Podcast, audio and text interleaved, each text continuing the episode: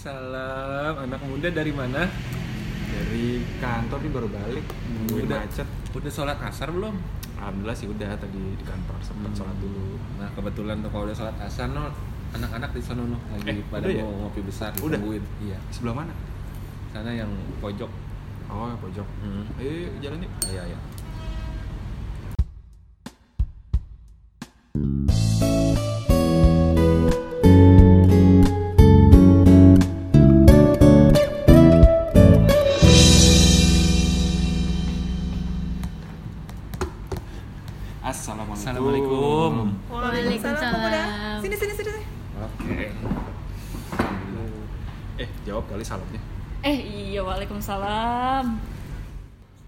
Sih? Sibuk banget kayaknya. Gue baru baca artikel nih. Artikel apaan? Iya jadi Taruh. ada ah taruh Bukan. bukan. Jadi ada nih eh, dia media di Inggris gitu yang baru bikin riset Eh, judulnya The Most Chilled Out Countries in the World. Nah negara yang paling chill nih. Nah ternyata Indonesia tuh dinobatkan loh menjadi negara paling santai di dunia. Cuma kalau menurut artikel ini sih Hmm. negara santai itu didefinisikan yang cocok untuk tempat wisata karena dia Oh, Indonesia tuh hmm. menang karena dia banyak pantainya, terus orangnya friendly, asik lah buat liburan gitu. Oh, jadi, Cuma Hmm. karena ini dibilang negara paling santai, orang-orang tuh jadi anggapannya salah gitu, dianggap negara Indonesia paling santuy itu karena hal-hal lain. Oh diplesetin ya? Iya diplesetin. Jadi Ah, karena oh ah. karena orang-orangnya emang santuy aja gitu. Dan sekarang jadi banyak muncul Meme-meme. um, iya meme gitu. Uh, terkait dengan apa sih sikap bang sikap masyarakat Indonesia nih kesantuyannya yang santuy banget lah. Kalau lu sendiri setuju gak sih bang kalau kita dibilang negara santuy? Sebenarnya kalau dari artikelnya sih gue setuju ya. Karena dinobati negara santai itu maksudnya me- ke sama pariwisatanya kan gitu. Sama pariwisata pariwisata yang oke lah kalau kita penat di luar negeri di negara asal kita bisa bersantai di negara Indonesia kan kayak gitu. Jadi akhirnya punya nilai eh, wisata yang bagus di mata dunia gitu cuman ya ini kebiasaan netizen yang budiman menganggap kesantaian itu dipleseti Betul, betul, yang betul. akhirnya menjadi eh, apa ya malah menjelekan Iya. sendiri gitu Padahal- konotasinya jadi negatif Nah, sih Karena san- santai itu sebenarnya punya dua konotasi. Iya. Ya, santai. Satu, apa Satu, tuh? santai yang bermakna eh, positif misalnya. contohnya, Contohnya ya kalau kita eh, penat sama kerjaan, penat sama banyak masalah, wajar dong kita santai-santai. Yang itu yang positifnya. Tapi kalau yang negatifnya itu kalau misalnya kayak eh, ya tadi dengan dijuluki negara tersantai ver- maksudnya untuk pariwisatanya tapi malah diplesetin nah akhirnya malah dibikin mem apa meme-meme yang banyak tuh yang gambar-gambar orang ke apa santai lagi ujian terus lagi apa. Kan Lagi jadi, jadi demo. jadi jadi aneh tuh lagi demo. Terus sih, jadi- ya. akhirnya jadi negatif dong santainya. Padahal yang tadinya bagus malah jadi aneh. Kayak gitu. Itu kayak semacam fenomena sendiri nggak sih? Kayak uh, ap- apa aja isu yang dilempar ke orang Indonesia gitu misalnya. Terus ada kan selalu ada kayak sisi kokonyolannya, lucu-lucunya gitu. Itu apa ya? Itu menurut menurut lu apa sih? Iya, kalau menurut gue sih jadinya kayak eh, apa ya kalau kes, makin ke sini tuh jadi makin konotasinya negatif sih. Jadi kayak Indonesia negara santuy itu jadi lebih ke eh, nggak apa ya bersikapnya nggak sesuai dengan tempat dan keadaan gitu. Misalnya kalau yang kayak foto-foto yang bertebaran kan misalnya dia lagi demo tapi malah tetap santai jualan apa apa terus lagi banjir santai lagi kayak gitu. Jadi dan Indonesia sendiri yang gue lihat kayak jadi masyarakatnya jadi bangga gitu disebut negara santuy dengan konotasi yang, Persepsi yang- iya persepsi yang eh, Kurang lah. baik itu. Gitu. jadi kayak oh ya udah kayak jadi jadi menggampangkan nih hal-hal kayak oh ya udah gue kan emang santuy anaknya negara gue kan emang negara santuy dan jadi apa-apa jadi santuy jadi, gitu. jadi pembenaran gitu. iya betul. Tapi sebenarnya santai itu kalau menurut eh, versi eh, agama boleh nggak sih kita bersantai-santai gitu? menurut versi Islam ya. Kan?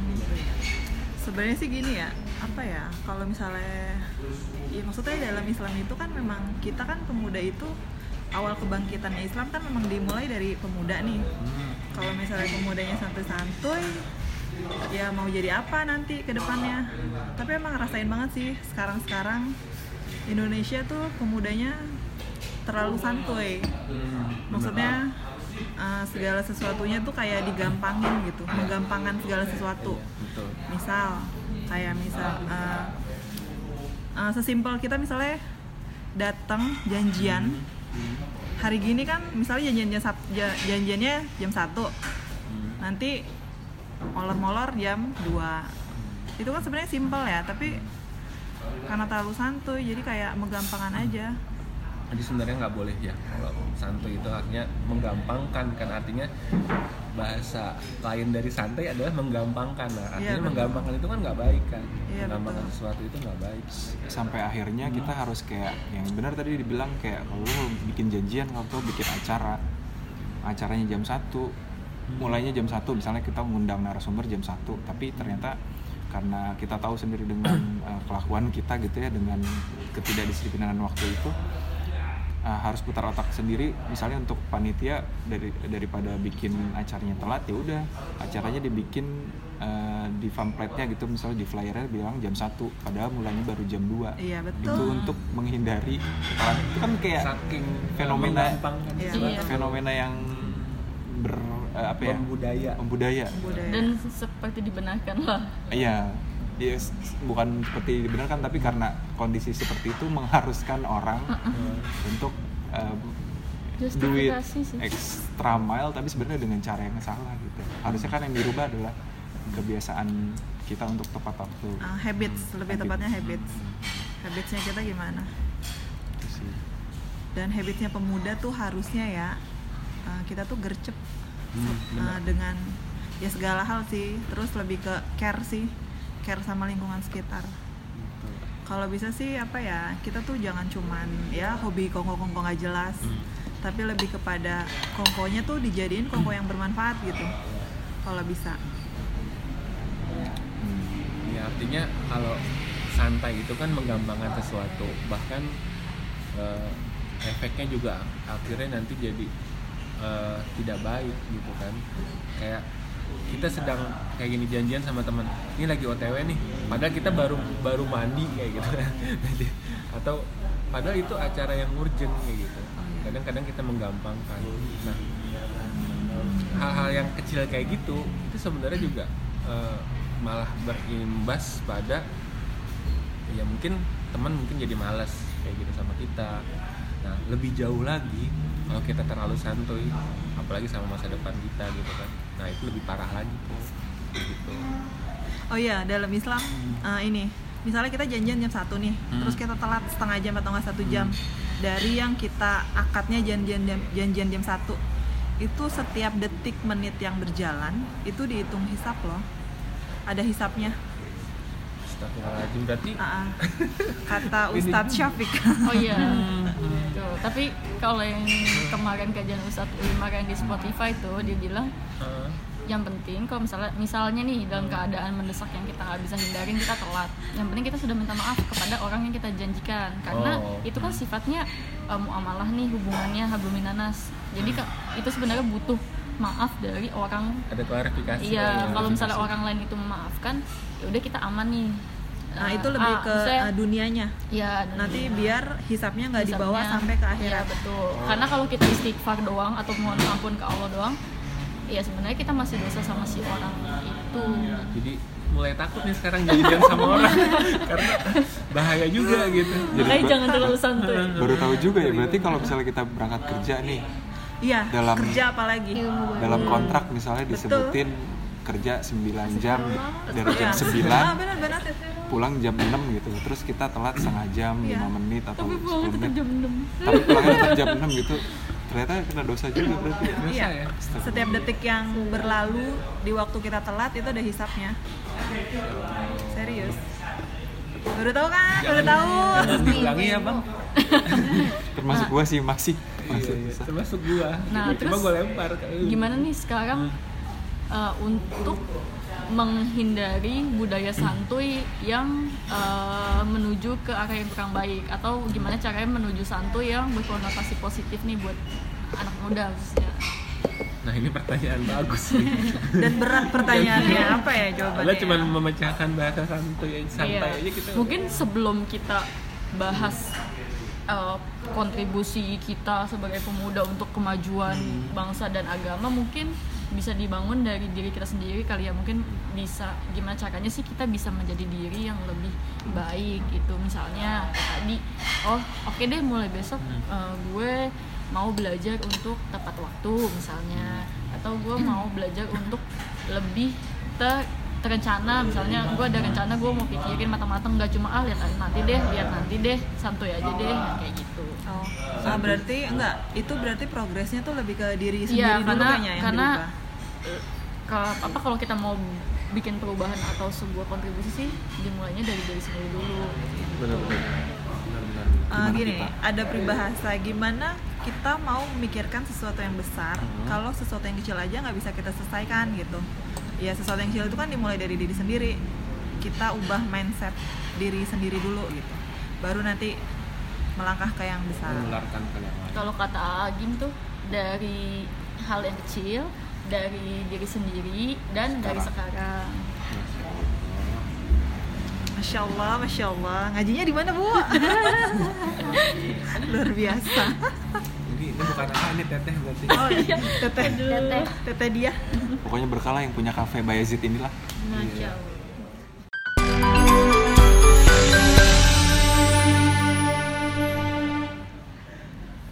Jadi dari mulai diri sendiri, kemudian baru uh, berimbas kepada uh, yang lain.